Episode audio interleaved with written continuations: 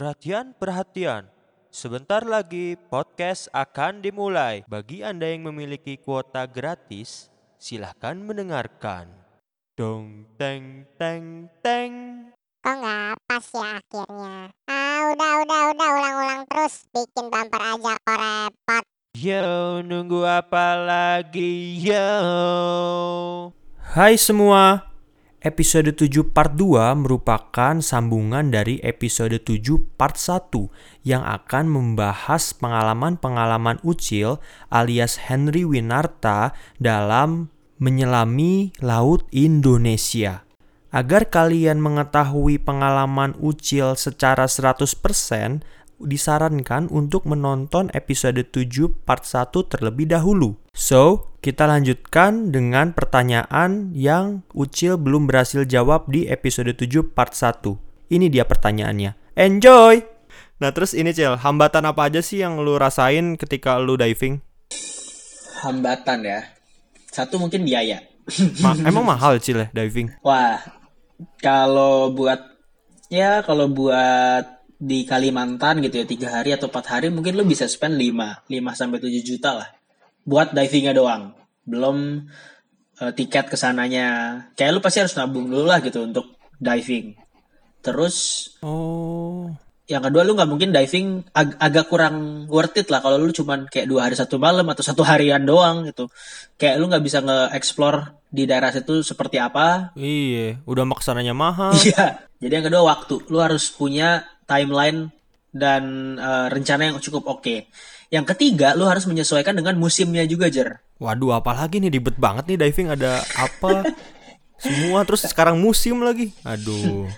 karena kalau di di diving itu orang punya sebutan best seasonnya lah. Kapan waktu terbaik untuk uh, lu diving di spot ini? Contoh misalnya kalau di Bali atau di Nusa Penida itu ada spot namanya ikan mo sunfish spot ya. Atau pokoknya gue gak tahu nama spotnya apa, tapi lu di situ bisa nyari ikan mola-mola atau sunfish. Oke. Setahu gua, lu bisa ketemu mereka di bulan Agustus karena itu adalah jalur ter- migrasinya mereka lah, setahu gua. Oh, di, ternyata di laut juga ada ini ya, Cil ya, ada birokrasi ya di dalamnya. Kok birokrasi? ada aktivitas kali bro. Aktivitas. Ya maksud gua kayak ada jalur apa, jalur ini, munculnya kapan, ya ada. ada timing-timingnya gitu. Karena kan gue nggak tahu juga sih bagaimana kenapa ikan ini bisa mikir oh Agustus tempat gue di sini gitu. Gue nggak tahu ya. Eh mereka mikirnya gimana. Cuman ya itu ada dan itu terjadi benar. Dan ada kayak mungkin ada hubungannya sama arus arus yang membuat mungkin ikan lebih banyak atau apa ada banyak banget faktor lah jadi kalau gua nanya juga, woi bro, best seasonnya kapan kalau di spot ini? Jadi gue suka tanyain itu gitu. Ke ikan. Ke Ya habis Boleh nggak kalau- sebutin subjeknya. nggak nggak ke ikan sih jar ke penyu. Bisa aja. Bisa aja nih sotong. ke instruktur, ke instruktur atau dive center lokal lah biasanya. Mereka akan punya jawab. Atau lo bisa research juga di Google kayak Iya. best seasonnya Jawa Timur, eh Jawa atau mungkin Flores atau Nusa Tenggara gitu. Nah terus Cil, anggap nih uang bukan masalah, waktu bukan masalah juga. Oke. Udah gitu arus juga bukan masalah tuh yang tadi lu bilang musim-musiman. Nah, kalau tadi kan tempat yang pernah lu kunjungin dan lu pengen ke sana lagi. Nah, tapi mungkin ada tempat yang di mana, wah lu gue cita-citanya ke sini nih. Kata orang bagus, gue pengen ke sana. Nah, tempat apa itu? Maksudnya spot apa? Ini ini buat diving jar. Diving? Oh kirain buat yang lain. Enggak diving, ini nih topiknya diving. Oke. Hmm, satu udah pasti Raja Ampat sih. Udah pasti. One of my bucket list itu Raja Ampat. Ada apa emang di sana, Cil? Nah, ini kenapa buat temen-temen nih yang memang tertarik scuba diving dan memang tinggal di Indonesia, gua harus bilang bahwa lu adalah orang-orang yang beruntung. Jadi, buat orang-orang yang mengerti eh, selam menyelam atau keanekaragaman hayati bawah laut, di dunia atau di bumi kita yang luar biasa besar ini, ada satu lokasi namanya The Coral Triangle. Di mana lokasi tersebut dipercaya memiliki keanekaragaman hayati bawah laut atau biota bawah laut yang paling kaya di dunia. Di dunia. Gila, berarti ini bisa jadi keajaiban dunia gak sih, Cil? Kagak lah. itu kan cuman landscape kita doang. Nah, Indonesia itu mulai dari Kalimantan sampai kalau ditarik ke bawah dari Kalimantan tapi nggak semua Kalimantan kena sampai ke Jawa Timur. Jawa Timur itu mungkin udah masuk tapi ke deket yang ke Bali sampai ditarik ke Papua Papua itu kena semua. Maluku kena, NTT kena, dan sebenarnya areanya sih agak gede ya di eh, Filipina juga setahu gue kena, Malaysia kena, sampai Kepulauan Solomon tuh kena. Nah tapi Indonesia dapat tuh wilayah itu tuh dapat kita dapat coral eh, wilayah yang masuk ke Coral Triangle mulai dari situ. Dan jantung dari Coral Triangle itu ada di Raja Ampat coy. Gila. Berarti Kalau kalau nggak salah jarak keanekaragaman Raja Ampat itu sampai 98% setahu gue. Berarti bisa gua pastikan mahal tiketnya ke sana bener nggak? ya dong, secara ekonomi dong. Ini kan eh, the most yang lu bilang the most aduh susah juga ya pakai bahasa Inggris ya. The most beautiful. ah, the most beautiful. Iya kan? Iya. Tiket setahu gue mahal dan memang buat diving di sana ya cukup mahal lah. Terutama tiket sih karena akses ke sana nggak nggak nggak segampang itu. Tapi gue nggak tahu kalau sekarang udah. Ya semoga Menteri Pariwisata punya kebijakan di setelah COVID ini berlangsung mungkin. Nah itu gue pasti cari sih ke sana sih itu keren banget. Tapi gue sengaja untuk menyimpan itu nantilah. Karena mungkin nyoba dulu di Manado, di Gorontalo, pengen nyoba dulu di Nusa Penida, pengen nyoba juga sampai ke sana lah terakhir ke Raja Ampat mungkin. Hmm, gua mulai tertarik nih Cil sama diving jujur deh. Karena kayak wow gitu. Wajar, coba nih ya. Lu ketika diving, lu bisa mengatur ke- ketinggian lu sendiri. Abis itu di ketika lu diving, lu ketemu hewan-hewan lucu berwarna-warni. Dan lu benar-benar tenang gitu kondisinya. Itu menurut gua itu aktivitas yang lu harus coba. Apalagi kalau lu di Indonesia. Wajib sih. Sekali Iya aja. iya iya. Serasa kayak gua gua tuh kan di di rumah kan akuarium ada beberapa Cil. ya lu jangan ketawa dulu. Ya kayak gua ngelihat diri gua gitu ada di sana kecil terus eh, apa ngeliatin ikan kayak asik juga sih ya. Mm-mm. Terus lu dimakan sama ikan yang lebih gede.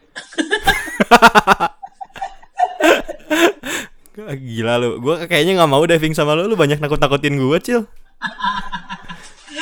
Aduh. Teman juga penting, Cil, untuk menjaga kelancaran selama diving.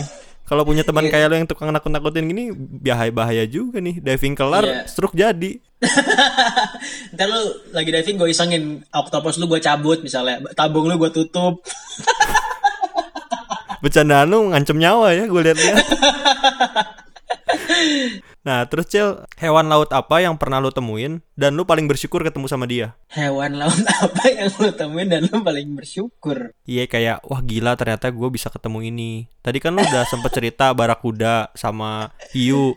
Ketemu mereka tuh karena istilahnya pergerombolan mereka gitu, pergerakan. Kalau ini secara hewan individunya gitu Cil, yang lu sangat bersyukur, wah Tuhan gue bisa ketemu ini secara live gitu. Kalau Chelsea Islam masuk ke biota bawah laut bukan? Belum tuh gue lihat-lihat di Wikipedia. Ini sih, gue seneng banget ketemu eh, Nemo. Ya Nemo mah banyak di pasar ikan. Kecewa gue sebenernya. Atau yang kedua ada dua sih yang gue seneng banget kalau ketemu lagi di bawah. Satu Nemo karena mereka lucu banget kalau lagi berenang. Jadi lu harus lihat ya Nemo itu, aduh gimana ya? ya karena lu nonton Finding Nemo, untungnya jadi gue nggak nggak usah susah menjelaskan Nemo itu bentuknya kayak apa. Tapi mereka itu kan punya simbiosis mutualisme sama anemon. ya Iya kan? iya iya, mereka kan ada di sekeliling anemon kan. Betul. Dan Nemo itu eh, ik- atau ikan badut itu kalau lagi berenang itu tangannya tuh goyangnya cepet banget kayak lucu gitu loh. Pok pok pok pok pok pok, pok gitu kayak kepak kepak kepak gitu kan. Dan mereka tuh berenangnya lincah gitu, lincah di sekitar anemonnya. Cepetan mana Terus sama kayak- ayam yang mau digorok? Itu juga cepet cil, lu harus lihat ayam mau digorok tuh. Oke, tapi menurut gua eh, lebih cepat ketika ini mahasiswa ngisi kolom tanda tangan kalau udah mau kena cekal sih kayak Iya iya benar benar benar. Tangannya cepet banget tuh. Yang penting keisi gitu mau sama mau enggak bodo Iya. amat. Iya. Minggu depan bisa direvisi kan di tipek tipek. Em, ya itu Nemo lucu lah gitu Eh, kalau di bawah dan mereka tuh apa ya kalau nggak gua nggak tahu sih mereka itu narsis apa gimana tapi kalau gua lagi bawa kamera itu mereka bisa diajak kompromi lah jar Oh dia ngerti kali ya. Wah ada yang mau rekam gua. Mungkin karena ada filmnya Nemo. Jadi Nemo Nemo Iya, di- bener. Iya kan Nemo Nemo udah terbiasa gitu. Wah ini nih kayaknya filmnya nih. Siapa tahu gua di Nemo 4 bisa muncul nih. Iya betul betul. Tapi mereka bisa bisa diajak kompromi lah dikasih misalnya gue ada kamera gue lagi foto mereka mereka akan bergaya 3-4 gaya habis itu gue bayar mereka 50 sampai 100 ribu lah jar per pose Oh, kayak kayak orang ya. ya itu Nemo Terus terus. yang kedua adalah manta bukan mantan manta ya Kenapa sama mantan? Lu lagi kepikiran. Enggak, anjir ribut udah sama pacar. Emang podcast gue tuh sering seneng banget ngajak ngajak ribut antara si host eh si narasumber sama pacarnya. makanya lu jangan sering buang man kalau ada ketemu wah lu putus ya udah mantan lu buang aja ke laut jangan lu sering lu buang-buang ke laut ntar ketemu gue lagi Apa sih, Cil? tawa anjir ya Udah skip Oke. skip. Terus Manta ya, manta itu kita bisa bilang ikan ikan manta kan? Kalau lu juga tahu manta tahu kan? Ikan yang kayak gimana? manta nggak tahu sih. Gue taunya di film Aquaman tuh ada namanya Black Manta. Kayak gitu nggak? Manta ya kalau oh ikan pari mungkin kalau bahasa yang lebih eh, pro- lebih terkenal ya kali ya. Ikan pari tuh nggak, Jer? Tahu kalau itu. Nah, Yang pipih terus kayak karpet nggak sih? ya betul. Kita biasanya bilang itu manta lah. Karena kalau ikan pari mungkin orang mikirnya yang kalau di SeaWorld, SeaWorld ikan pari kan yang kecil-kecil ya. Yang yang ya paling segede segede apa ya ayam mungkin atau segede laptop lah kalau ikan pari. Tapi kalau manta itu bisa segede kasur lu Jer. Waduh. Gede banget asli. Parah gede banget. Dan ikan manta itu gimana ya kalau berenang tuh apa ya eh, keren banget lah gitu kayak berwibawa banget gitu lah. Iya gimana sih ikan berenang berwibawa? Iya, udah kayak ini aja ya pemimpin sebuah perusahaan. Jadi ikan manta itu kalau udah Kayak diperhatiin nggak sih sama ikan-ikan lain yang lu maksud berwibawa tuh? Iya kan pas dia terbang tuh semua semua mata tertuju padanya gitu. betul betul. Mereka kalau terbang tuh kayak majestic banget lah keren gitu. Jadi dia Kayak ikan atau burung? Kalau bilang terbang. ya pokoknya udah mah gede. Terus orang kalau ngeliat itu wow dan dia tuh jinak. Bukan jinak ya gimana? Kalau ke manusia tuh kayak santuy gitu loh kayak, oh bro gitu, apa kabar lo gitu, kayak santai gitu loh ke kita. Lah bukannya Jadi- bahaya, Cil. Setahu gua kan dia punya sengatnya itu kan di buntutnya. Nah kalau kalau yang nyengat Steve Irwin itu adalah eh, stingray, beda jenis. Itu yang beracun betul. Oh, tapi bentuknya sama Stingray kayak si ya? manta ini, karpet terbang. kurang lebih sama tapi manta itu yang lebih lebih gede jauh lebih gede lah Oh, mungkin yang nyengat Steve Irwin itu kayak pari kali ya? ya yang ya mungkin orang bilang ikan pari lah yang kecil yang lebih kecil dan itu memang buntutnya beracun parah Iya iya iya iya. Terus lu sempet nggak sih Cil ngelihat manta dari bawah terus dia lagi kayak ngibarin apa si karpetnya itu? bendera Ah, lu nih. gua tuh bener-bener pernah kayak dia itu kebetulan lagi kita tahu nih spotnya manta memang mereka lagi banyak nyari makan di situ dan waktu itu ketemu beberapa ekor sekaligus dan salah satunya tuh kayak berenang ngedeketin gua gitu terus kayak gua ngeliat bener-bener face to face ngelewat berenang nyantai dan itu wah anjir itu keren banget keren parah gede tapi kayak apa ya kayak kayak Sama hiu gede mana Cil? asik gitu loh. Oh, tergantung. Kalau hiu itu kan di Indonesia paling cuma ada black tip sama white tip ya. Itu eh, gak gitu gede lah. Kalau hiu paling seukuran manusia mungkin kalau yang di, di Indonesia. Tapi kalau lu bilang yang kayak di Australia itu gede banget. Hmm, eh, Great White Shark itu gede banget. Kalau di Indonesia sih ya 11-12 lah sama manta ukurannya. Cuman mereka lebih lebar. oh iya, manta lebar ya. Tuh. Gitu. Wah wah wah wah wah. Kalau gue sih kemungkinan besar sih Cil ya. Alhamdulillah kalau gue ke depannya bisa diving gitu. gue sih bakal takut beneran ngelihat kayak wah ini ada karpet terbang gitu. Gue pikir film Aladdin.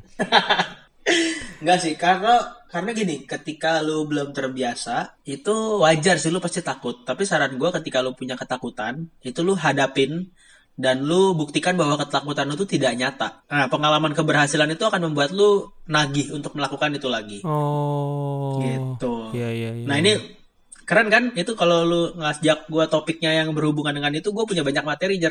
kan udah deal. Udah deal loh Cil. Kenapa masih dibahas? iya, gue tahu lo oke. expert di sana. Ada, ada ada sesinya, tenang. Oke. Nah, terus pernah nggak sih lu ngalamin hal-hal yang lucu gitu, Cil? Ketika lu diving? Lucu ya. Mungkin waktu gua diving ketemu ini, Jack Sparrow. Ngomong-ngomong dia kan bukan penyelam, dia pembajak pembajak kapal. Capek nih gue lama-lama ngobrol sama lu. apa ya yang lucu ya? Gak ada sih Jer, gitu-gitu aja Jer. Karena kan kita nggak bisa ngelawak di bawah air, Jar. Gimana sih? Maksudnya kayak momen kejadian ketika lu nyemplung kepleset atau si instrukturnya lucu gitu ngejelasinnya kan bisa jadi ada pengalaman lucu Oh. di sana. Ini bukan lucu tapi ini menarik sih. Jadi Gimana, kita gimana? kita memang tahu kalau eh, ketika kan cahaya putih atau cahaya itu kan terbagi jadi beberapa spektrum warna kan. Iya. Dan warna merah itu hilang paling dulu ketika lu di bawah air karena dia terbias lebih dulu lah pokoknya. Ah sumpah Cil. Iya serius. Jadi kalau foto-foto bawah laut itu pasti kalau warna dasar kan ada RGB kan. Itu yang red pasti hilang duluan. Kenapa orang kalau foto di laut walaupun ikannya warnanya sebenarnya warna-warni tapi kalau nggak punya cahaya tertentu kita nggak bawa pencahayaan sendiri itu warnanya semua jadi satu warna biru biru hijau semua kalau di bawah. Oh berarti kalau mau photoshoot harus ada lampunya gitu ya? Betul ada lampu sendiri atau lu main di kedalaman ya yang nggak nggak dalam lah 8 sampai 15 meter lah udah cukup. Oh kalau 8 sampai 15 tuh masih tidak terbias warna-warnanya ya. Ya masih belum terlalu terbias. Nah ini lucunya gini, dia waktu itu gue lagi ngambil kelas advance kan memang. Dia bilang nanti di bawah gue akan ngasih lihat satu benda, terus lu tulis atau lu tebak itu warna bendanya apa, dia bilang, Oke. ya kan?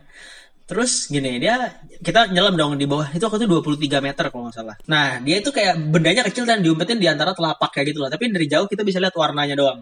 Nah kita semua tulis tuh sepakat green, hijau semua, hijau, hijau, hijau, hijau itu semua tulisnya hijau. Pas dibawa ke atas coy, kita udah kan terus habis itu berenang terus dia taruh kantongnya terus pas di atas kita tanya emang eh lu penasaran gak tadi barangnya tuh apa penasaran penasaran dikeluarin coy itu ternyata tomat warnanya merah Hah?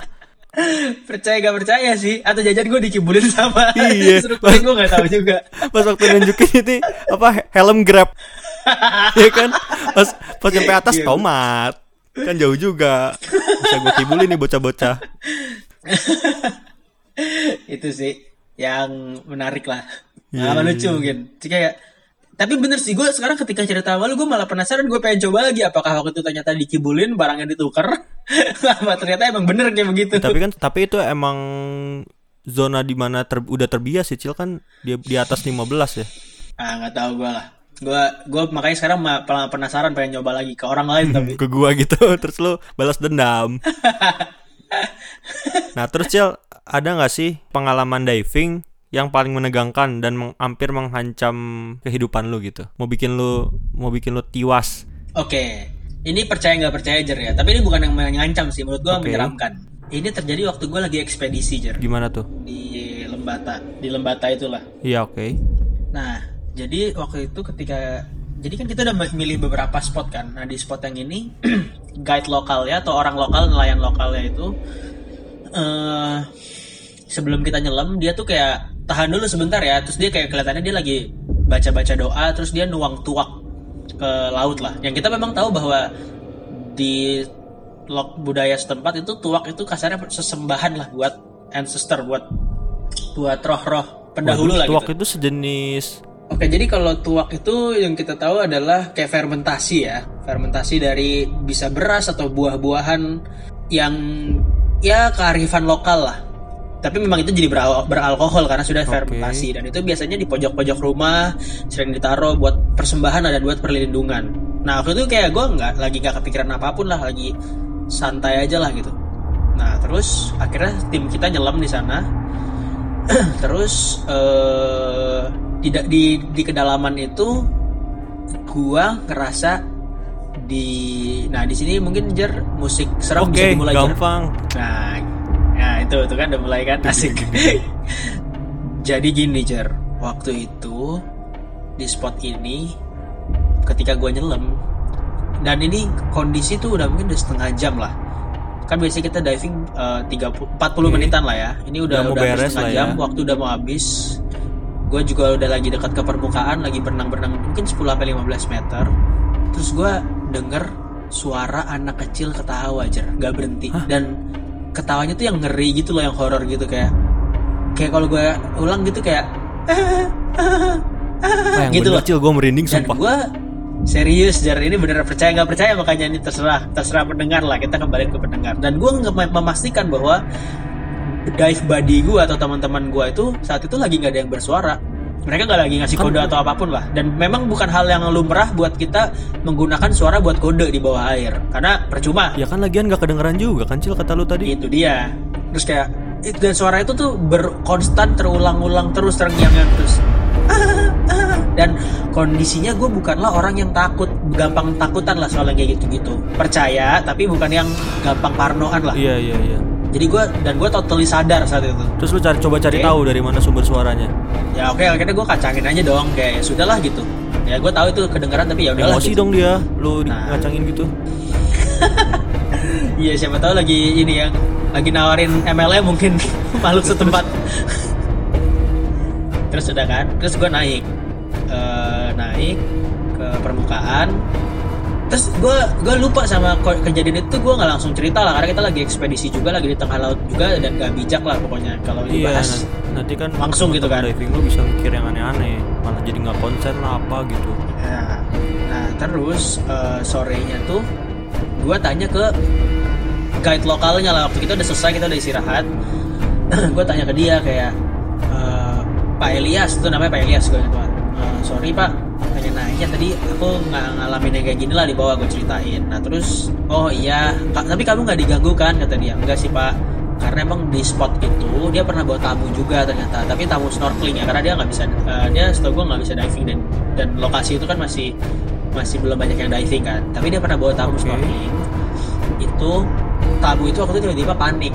Kayak panik dan dia selamatin ditanya kenapa kayak ada yang narik dari bawah. Narik tamunya dia dan terus memang legendanya di tempat itu memang ada anak umur anak balita lah 5 atau 7 tahun gue lupa cewek dan itu pernah meninggal di spot itu karena dia berenang lah kayak orang lokal berenang mungkin kelelap atau apa gue dia meninggal di spot itu gitu Waduh, gila ya.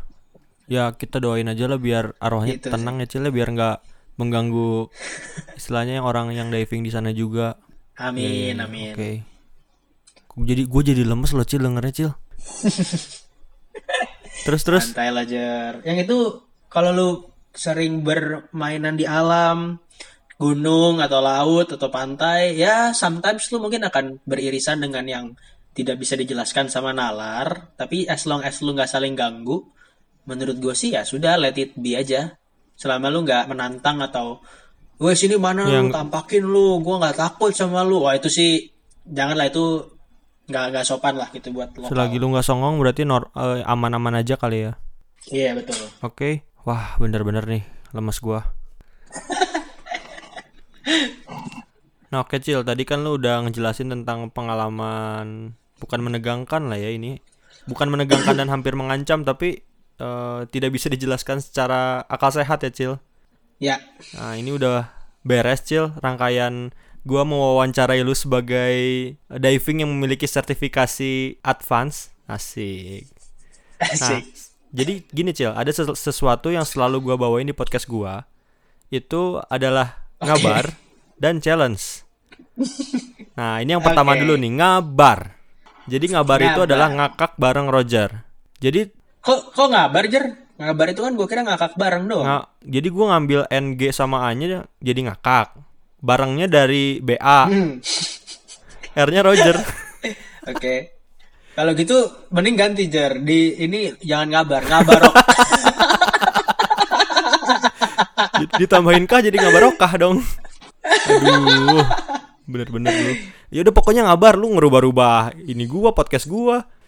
Jadi tugas lu Oke, tuh oke, hanya oke. ketawa aja. Jadi gua akan bacakan cerita lucu. Ya lu ketawa gitu. Kalau lucu lu ketawa, kalau enggak ya ketawa lah menghargai gua gitu udah effort bacain. Jadi gue nggak perlu effort apa pun ya kayak menambahkan Nggak tingkat usah, kelucuannya atau pada- nge- ngerusak Pada cerita lu nggak dasarnya boleh ya. Roger sama dengan lucu. Jadi udah nggak usah lu tambah-tambahkan yang seperti itu. Oke, oke, oke, oke. Jadi gua kemarin ini Cil untuk mempersiapkan podcast ini gua tuh research banyak hal lah, termasuk ngabar ini gua research juga. Gue sempat baca-baca di Twitter. Mhm. Jadi dulu zamannya Bu Susi itu lagi menjabat sebagai Menteri Kelautan dan Perikanan. Ada beberapa orang tuh yang nge-tweet ke dia dan tweet-tweet tweetannya tuh lucu gitu, Cil. Nah, ini yang pertama nih gua sebut gua bacain ya. Bu Menteri mau tanya kalau ikan tuna Lah, lah. Baca dulu Iya, iya, kali iya. baru Aduh, gua ketawa. coba. Gue nggak jadi nggak bisa kalau ikan tuna bayarnya cash jadi tunai nggak?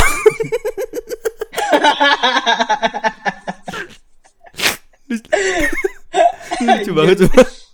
Makanya gue gak tahan banget, Cil. Oke, itu yang pertama. Oh, gue tahu Jer. Kalau dibayar, gue jadi punya tebak-tebakan Jer. Kalau ikan tuna dibayar tunai kan, dibayar cash kan jadi tunai. Kalau dibayar kredit jadi apa Jer? Nunggak. Ikan nunggak. Ikan apa? Salah. Ikan tuna kalau dibayar kredit jadi tunda. Iya, iya, iya. Ikan tunda. Bisa ya lu. Nah, yang kedua, Cil. Oke oke oke. Bu, mohon izin bertanya. Bu, kalau ikan sapu-sapu itu ada di bawah naungan dinas perikanan atau dinas kebersihan ya? Anjir. Oke oke boleh lah itu boleh kreatif lah dia. punya gua, punya orang, gua hanya bacain doang ini. Oke. Nah, terus yang ketiga nih, yang terakhir. Bu, izin bertanya. Apakah kalau ikan bandeng lagi flu namanya jadi ikan bindeng nggak? Aduh, gila gila, gue sampai batuk tuh. Boleh, Boleh lah ya, Ngak- ngabar Boleh, kali boleh, ini tuh boleh, berhasil boleh, boleh, berarti. Betul betul betul. Itu orang-orang yang ngasih itu udah ditenggelamin belum btw. Mungkin diajak diving tuh ke jurang yang arusnya berlawanan. Selanjutnya nih Oke, yang kedua, Cil. oke. Challenge. Hmm. Jadi Challenge, challenge kali ini gue akan bawain games yes no question. Lu hanya perlu menjawab dari pertanyaan yang gue arahkan. Misalkan nih, eh, pernah nggak? Berarti lu jawabnya pernah atau tidak. Mung- eh, terus eh mau nggak? Berarti mau atau tidak. Iya nggak? Iya atau tidak Hmm. gitu. Jadi hanya dua pilihan gitu yang harus lu jawab. Oh, Oke. Ya dan tidak dan doang tidak berdasarkan pertanyaannya gitu. ya. Oke. Kalau gua memilih abstain boleh Nggak ada, akan yes no question. Nggak. Nggak boleh Oh, cari aman di sini, oke. Cil. Oh, pertanyaannya bahaya nih kayak ini. Enggak, enggak. Tenang aja. Yang udah-udah tuh ribut sih. Aduh. Oke, yang pertama. Pernah nggak dilarang diving sama orang tua? Pernah? Kedua, pernah nggak dilarang diving sama pacar? Tidak pernah. Kenapa tuh? Kan udah tahu diving itu bahaya. Kenapa nggak dilarang? Kan udah dilarang sama orang tua gua. Nah, lu. Iya kan dilarang sama orang tua lu. Pacar itu kan istilahnya sebagai orang yang nantinya akan jadi istri lu gitu, yang akan istilahnya bersama bareng. Kenapa nggak melarang Ka- kalau tahu itu bahaya gitu? Tergantung pacar yang mana sih? Iya. Iya. Kalau yang ini enggak ya? yang ini enggak lah. Dia tahu Iya, lah. iya, iya. Yang sebelumnya? Yang sebelumnya eh lupa gua. Kayak jarang membahas yang itu. Oh, namanya juga mantan, bener nggak? Nggak usah diingat. Betul. Iya. Dibuang ke laut. Jadi Iya. manta. Iya, jadi manta. Oke, next. Pernah nggak takut ketemu hiu? Pernah Kenapa tuh? di pas awal-awal gua Hmm, mungkin gini Jar, ini pengalaman Ngebayangin kali ya, ngebayangin. Ini pengalaman ketika gue pertama kali ketemu hiu dan itu waktu itu lagi ekspedisi juga. Jadi kita kan tahu kan hiu itu mungkin kita punya mindset yang mengerikan lah di Betul. kepala kita. Banyak Karena film, mungkin juga banyak film-film laut banyak yang film yang mem- mengangkat membuat sesosok hiu tuh sesosok hewan laut yang harus ditakuti oleh manusia. betul betul banget. Padahal kalau kita research ya setahun itu tingkat kematian karena hiu tuh kayaknya nggak nyampe 100 Gue nggak tahu gue lupa. Tapi itu tingkat kematian karena hiu tuh kecil banget. Hmm, Yang yang manusia meninggal karena hiu kecil banget. Justru hiu meninggal karena manusia itu banyaknya setengah mati sampai mereka udah mau punah iya, iya, kayaknya kalau nggak salah. Gue baca tuh Beberapa populasi jenis. hiu tuh berkurang banget di dunia. Ya, jadi sebenarnya kita kan berpikir lagi yang bahaya tuh hiu apa manusia sih sebenarnya kan. Kadang gue juga pikir kayak gitu gitu. Jangan-jangan kalau hiu ketemu kita, bro, itu yang di film Human, itu mereka yang ngeri-ngeri itu, Iya, iya, cabut, iya. cabut, cabut, Mereka kan berpikir jadi kan. kayak ya kayak kita mikirin mereka serem, kebalikan. Iya, jadi tet- tetap takut tuh nggak bisa gue bohongin lah waktu itu. Tapi itu pertama kali gue ngeliat dari jauh, dari kejauhan. Ini mungkin pertama kalinya gue ketemu hiu dan jangan-jangan itu pertama kalinya hiu juga ketemu manusia kali. Karena kan ini lautnya belum banyak yang bener, diving kan. bener. Wah, bener-bener pertemuan kalian ini spesial. spesial. Dan waktu itu ukurannya nggak gede banget, Jar. Itu kayak hiu masih belum akil balik deh kayaknya. Masih SD kali ya. Masih zaman zamannya Itu calistung. nggak belum Iya, itu paling sepinggang gue lah ukuran hiunya lah. Dan ini kita ketemu tuh jadi dari dari telapak kaki ke pinggang pinggang ya paling satu meter lah mungkin Oke. ya kan. Terus eh, dan kita tuh ketemu bukan yang face to face tapi kayak masih ada jarak di antara kita kayak 15 sampai 20 meter lah. Gak, gak deket banget itu pertama kali. Iya, padahal jauh ya.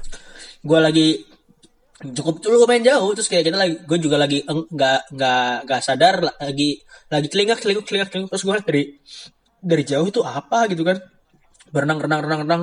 Kok warnanya abu-abu ini ikan apa? Pas gue sadar itu ada ada ada benjolnya di palanya itu hiu kan?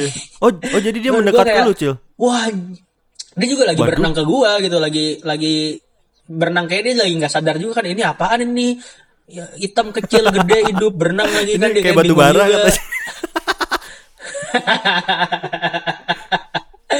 nah itu mungkin pertemuan pertama gue dengan hiu dan Hiu, jangan-jangan iya, pertemuan hiu dengan pertama manusia. hiu itu dengan manusia kan nah gue tuh kan memang gue penasaran punya pengen punya pengalaman ketemu hiu tuh kayak gimana dan gue dikasih itu antara takut seneng excited tuh bercampur aduk jadi yang gue bisa lakukan di bawah air tuh cuman kayak teriak-teriak gitu kayak wuh Iya, iya, gitu iya. kayak kayak thrill sendiri dan gue mencoba ngasih tahu ke teman-teman gue kayak bro di sana ada hiu gitu. Gue langsung kayak bunyiin. Jadi kita pegang tank retail namanya. Ada kayak ada kayak tongkat sihirnya Harry Potter tapi bentuknya dari Oke. besi. Terus gue ketok-ketok itu ke tabung gue kan eh, membuat ada suara kan. Jadi teman gue ngeliat semua terus gue tunjuk ke situ tuh. Mereka semua ngeliat kayak mereka thrilling juga gitu karena banyak dari mereka kan ya mereka semua belum pernah diving kan tim ekspedisi gue sebelumnya. Dan mungkin belum pernah lihat hiu secara langsung. Kayak juga mereka thrilling terus nggak lama hiunya cabut kayak dia juga bingung ini apaan nih bersuara lagi ternyata berisik banget gitu nah itu pengalaman pertama gue ketemu hiu Jar. Oh, berarti sebenarnya hiu ketika ngelihat kita juga nggak langsung hawanya kepengen makan ya, Cil ya. kagak coy nggak nggak kayak Iya, gitu jar Mungkin kalau ada darah harus- kali ya baru dia sadis. Apa Betul, mungkin nggak juga, Cil ya kalau ada darah hiu nggak sadis. nah gue nggak pernah nyoba sih kita tiba-tiba Sengaja nggak besar gitu. kayak nge Iya melukai diri sendiri kasih darah masukin ke laut nggak pernah sih jadi gue nggak pernah nggak pernah tahu juga Iya, tuh iya, iya, iya, iya. Tapi kayaknya orang kalau mancing kan coba deh lu mungkin bisa tanya Harry tuh di episode sebelumnya. kalau orang mancing hiu ngasih ayam yang memang berdarah-darah nggak sih? Ini Gue yang nggak tahu gue tuh. bingung gini, Cil. Hiu kan makannya ikan, bener nggak? Sementara kan ikan nggak ada darahnya. Masa ikan Mana ada darahnya ikan, coy? ikan kalau di laut digigit nggak keluar darah, coy. Ya coba lu gigit ikan di bawah laut atau lu gigit gigit, gigit ikan di akuarium lu pasti berdarah Bukannya coy. berdarah dingin mereka. Enggak tetap berdarah jar. Kalau lu kalau nyokap lu masak ikan aja pasti kan masih ada darah-darahnya coy. Oh iya iya iya gue inget nyokap gue masak gurame. Iya iya ada ada ada darahnya. Oke. Nah ini Cil, pertanyaan selanjutnya. Pernah nggak Hmm. buang air kecil atau besar pas lagi nyelam di laut? Air kecil pernah, air besar nggak pernah. Kenapa tuh? Nggak nggak pernah kenapa? Karena lu takut mengotori laut atau emang lagi nggak pengen aja? Karena di laut nggak ada WC umum jar. Ya kenapa lu kencing dong kalau gitu? Eh, kalau kencing kan kalau kencing kan di kita bisa sembarangan jer kalau berat nggak bisa sembarangan Iya iya iya oke. Terus itu lu ngerasain kalau misalkan di kolam renang, gua pas waktu kecil pernah sih Cil kayak gitu, ngerasanya anget-anget gitu sih. Kalau ini anget-anget gitu nggak sih kalau pas di laut? jadi gini jar ketika lu diving itu kan lu pakai wetsuit namanya jadi eh, baju itu akan eh, menutupi dari ujung lengan sampai ujung lengan kaki kan ujung lengan tangan sampai ujung lengan kaki kalau lu kencingnya kagak lu kontrol itu sebadan badan lu anget semua dan itu jijik juga sih Jadi gimana Jadi tekniknya? kalau gua kalau gua mau kencing di bawah laut, biasanya itu gua buka dulu uh, wetsuit gua. Biasa sih tapi kalau gua kencing itu udah udah mau udah mau naik jer, udah mau naik kapal. Jadi kan sebelum sebelum naik kapal kita kan kayak ngambang dulu kan. Nah, itu gua biasanya buka wetsuit dulu, buka wetsuit terus eh apa? Eh, sampai sepinggang. Jadi gue tahu tuh air air kencingnya bisa langsung keluar gitu loh dari wetsuit itu nggak terperangkap. Nah tapi pernah juga sih, gue jadi baru inget, gue pernah kebelet banget coy, Terus terus kebelet banget nih. Terus kan kayak kalau kita buka di bawah kan kayak berbahaya kan, buka wetsuit di bawah itu ya nggak nggak recommended Iyalah. lah. istilahnya lu kayak lagi perang terus lu buka semua armor lu gitu di depan musuh. iya. Nah tapi kondisi waktu itu kebetulan gue pakai wetsuit yang cuma sampai sepaha, nggak nggak celana panjang lah waktu itu lah, celana celana pendek. Oke. wetsuitnya. Nah jadi waktu itu yang gue lakukan udah di bawah, udah mah di bawah dinginnya, terus kebelet gitu kan kan nggak mungkin gue naik dulu terus nyelam lagi kan itu sangat-sangat tidak efisien lah. Jadi ya udah itu eh, dari gue terus memikirkan gimana caranya biar air kencing ini nggak nyampe muter ke dada ke punggung gue yang ih jijik Iya, gitu lah iya, ya mikirnya juga kan anjir naik naik gue bawa pesing lagi Nanti ditanya, lu habis diving apalagi habis apa nonton film horor? Jadi tekniknya gini Jar, gue itu sengaja menarik bagian wetsuit yang di Hmm. paha gue, paha mendekati ke itu Lu lah ya, naikin terus. ke ke Johnny. Terus gue ya gue kupiak kupiak gitu loh kayak gue kayak kupiak kupiak itu sembari kencing sembari gue goyangin terus. Jadi a- airnya gue harap langsung keluar ke laut Oh, bebas. iya, iya, iya. Nah mungkin karena itu Jar air laut jadi asin. Oh, bukan pesing ya? Nih, terus kata ikan yang Asin. ada di sekitar lu, oh enak juga nih. Apa? Cairan manusia. Kok gurih guys? Gurih. Iya, iya, iya. Oke. No, Terus big no. pernah nggak lu mikir masuk ke dalam mulut paus? Biar kayak di Pinocchio. Um, Eh tapi pernah ketemu paus nggak? pernah. Itu beneran gede, Cil. Waktu itu gue ketemu kayaknya ukurannya 3 meter deh. Bukan yang Ah. gede banget. Tapi ya yang gede 3 banget meter ada. masih anak kali ya. 3 sampai 4 meter lah ya. Kalau kalau yang gede banget tuh berapa meter, gitu Cil? lah. Waduh. Kalau nggak salah gue pernah baca kayak blue whale blue blue whale shark ya apa apa apa sperm whale. Oke. Itu jantungnya aja katanya segede Jantungnya mobil. segede mobil. Iya. Gila. Pernah nggak lu mikir lu masuk ke dalam tubuh paus? nggak nggak pernah. Tapi kalau sekarang mungkin kalau bisa masuk ke dalam paus terus bikin kayak coffee shop kayaknya laku juga sih. Buat ini ya para diver-diver gitu. iya. Eh guys. Di, di- di- ini ya, apa coffee shop gue di paus 01 ada. Si pausnya lu ini lu pilox ada 01 gede gitu. Nanti pausnya kita ajakin kerja sama gitu kan kayak ada sharing profit Iya, para sih laba. mungkin. Mungkin dia bisa ngejual idenya ke paus-paus yang lain. bisa tuh Duh, gua- menarik tuh konsep tuh gue thank you jadi besok gue coba garap sama co-founder gue siapa tahu dia tertarik sama kode eh, konsep ini jar Eh, by the way, Cil. By the way nih, investor. gue kan banyak baca-baca juga nih karena mau bikin podcast sama lu tentang laut dan ikan gitu. Gua lu tahu nggak sih caranya paus itu memangsa ikan? Tahu nggak caranya gimana? Ah, paus itu bukannya makannya plankton ya? Wah, ikan juga ma- makan dia. Paus apa dulu nih yang makan ikan? Paus. Ya. Paus paus ik paus ikan lah. Pertanyaan lu tuh ya. Oke, memang setahu gue sih ada beberapa jenis paus yang makan ikan ada. Ya mungkin mu- mungkin ini jenis paus yang makan ikan aja. Anggap ini jenis paus yang makan ikan. Lo tahu nggak caranya si paus itu makan ikan? Dikunyah. Aduh. Lu pikir dia kayak manusia dia sekali nganggap aja tuh empat Avanza tuh bisa masuk itu Cil. Lu kira paus makan ikan sebiji-sebiji dikunyah? Langsung hap dia berapa puluh masuk gitu. Yuk kloter satu, kloter satu masuk. Hap. dia kalau makan ikan tuh per kloter mainannya bukan kayak kita sebiji-sebiji. Oh, di ini kali aja ya, dihisap kali aja. Iya. Nah, Uh, enggak, gitu. lu, lu tahu nggak? Lu pernah lihat nggak kalau paus itu menghembuskan nafasnya tuh lewat kayak di punggungnya gitu kayak ada lubang terus dia ngeluarin push gitu ke atas. Oh, pernah. Nah, Tapi nggak pernah nah jadi langsung gini ya. Cil, caranya si paus-paus ini apa ngumpulin ikan biar dia makannya sekaligus banyak. Jadi ada satu paus nih yang mengorbankan dirinya. Dia tuh nyelam dulu ke bawah, nyelam ke bawah, terus dia bikin gelembung dari bawah. Nah, bikin Oke, gelembung. terus? Nah, si ikan-ikan kecil-kecil itu tuh kan bego. Nah, ikan-ikan kecil ini tuh ngumpul di gelembung itu. Hah? Dia ngumpul, ngumpul banyak banget di gelembung-gelembung yang dibuat sama si pausnya. Nah, ketika lagi asik ngumpul tuh, langsung dari kiri kanan atas bawah tuh langsung si paus-paus yang lainnya hap gitu. Kloter satu masuk, kloter dua masuk, kloter tiga masuk. Gitu cil caranya. Berarti menurut gue di sini paus itu ngerti teknik marketing ya, Jer ya. iya, mungkin teknik MLM tuh pertama kali tuh dari, dari seekor paus cil. Jadi Bener, ngumpulin bener, dulu, bener, udah gitu langsung dia hap sekaligus gitu. Jadi kan efisien banget gitu.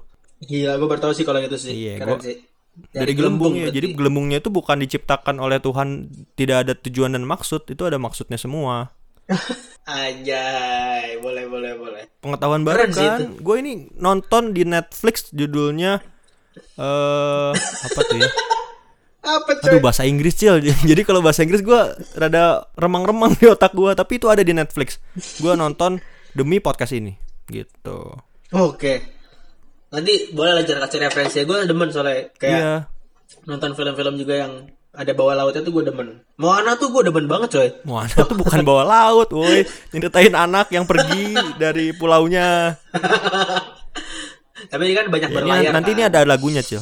Ya, Oke. Nah, terus Cil, pertanyaan terakhir dan paling penting menurut gua. Kalau Putri Oke. Duyung beneran ada, mau nggak diajak nikah sama dia? Nggak mau. Kan lu putra dayung.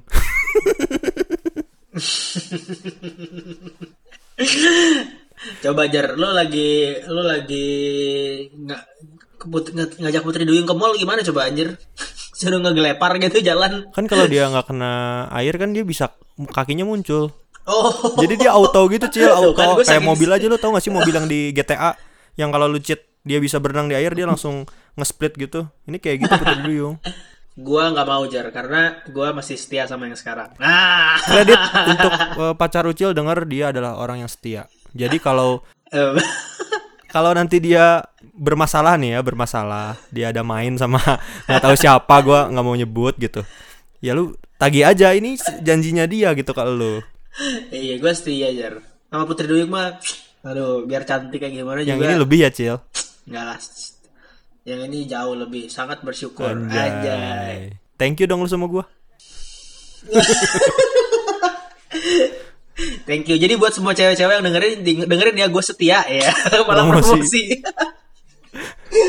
Salah jadinya. oke nih cil semua rangkaian udah kita lewatin challenge udah terus tadi yang pertama ngabar udah sesi sharingnya juga udah Hmm. by the way cil Hmm. Thank you Cil Kita udah ngelewatin semuanya Sesi ngabar udah Sesi challenge udah Dan sesi yang pertama tuh Sharing-sharing pengalaman lu juga udah Thank you banget Gua tahu lu sibuk Dan lu masih mau ngeluangin waktu buat gua Untuk podcast bareng gua Oke, thank you juga Jur sudah mempercayakan salah satu episode lu untuk dikotori dengan bukan dikotori. Sih Untuk mendengarkan cerita gua. Dihiasi dengan cerita-cerita eh, bawah laut Iya, lah iya, dari iya. gua. Gila sih Ini jujur Cil Ini salah satu episode yang gua merasa Gua sendiri pengen podcast ini nggak beres-beres Cil. Kayak gue pengen pengen masih Kenapa tak masih kepengen kira-kira di bawah laut tuh lebih detailnya gitu Cil seperti apa seperti apa. Gue pengen lebih tahu gitu Cil. Hmm. mungkin kalau lu ngadain kelas gue orang pertama yang minta gratis sih. Aduh, jer jer. Ya kalau teman-teman atau lu masih pengen tanya-tanya, as long as gue bisa bantu, pasti gue bantu sih karena apa ya? Ya gue pengen menebarkan itu sih ketika lu diving, ya, ya ter- cobalah untuk diving di Indonesia, tapi secara bertanggung jawab ya, jangan sampai aktivitas diving kita malah merusak ekosistem laut. Karena pariwisata kita di Indonesia itu sebagus itu buat diving. Sebagus itu dan lu rugi kalau lu nggak nyoba. podcast ini bisa gue jual nggak sih Cil ke ini ke Menteri Pariwisata gitu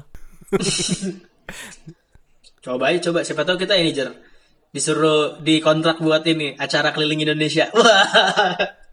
Bener-bener nggak lah bercanda lah tapi boleh sih kalau bisa Pelin-pelan Oke, anjir. Cil, gini, kan lu udah sharing-sharing soal pengalaman lu di bawah laut, bertemu ikan-ikan, berenang bareng dan dia mau diajak renang sama lu. Sejak itu, Oke. sejak itu apa? Sejak gua diving, gua lebih bisa menikmati keindahan ciptaan Tuhan sih. Dan itu bener banget. Ketika lu diving, lu ngelihat semua itu lewat mata kepala lu sendiri, hal yang jarang lu lihat di daratan, lu bakal sangat bersyukur bahwa indahnya ciptaan Tuhan yang Maha Esa itu dahsyatnya luar wow, biasa sih. wow, Jar. wow, wow, benar-benar benar, Cil. Ya makanya yang tadi gue bilang kan, gua pengen gitu suatu saat kalau lu ajak dan lu fasilitasi gue pengen gitu diving. Amin. Oke Cil, amin. udah beres semuanya. Saatnya kita bilang bareng-bareng. Sejak, Sejak itu, itu Episode, 7 selesai. Nunggu apa lagi? Ini udah beres, tinggal dimatiin HP lu yo. Halo teman-teman semua. Di episode 8 nanti, pertama kalinya gua akan berkolaborasi dengan akun podcast lain. Gua tegang banget guys, harus jawab apa nanti kalau ditanya. Biasa kan gua yang banyak tanya ke narasumber yang gua undang. Kita akan ngobrolin pengalaman gua sebagai pelatih futsal semasa kuliah dan pengalaman dia sebagai orang yang gua latih selama bertahun-tahun. Banyak hal-hal yang belum gua ungkap ketika gua melatih futsal pada zamannya. Dan gua akan ungkap atau sampaikan di sini. Penasaran dengan akun podcast lain mana gua berkolaborasi dan seperti apa pembicaraan yang akan kita lakukan? Saksikan episode 8 Sejak Itu Podcast.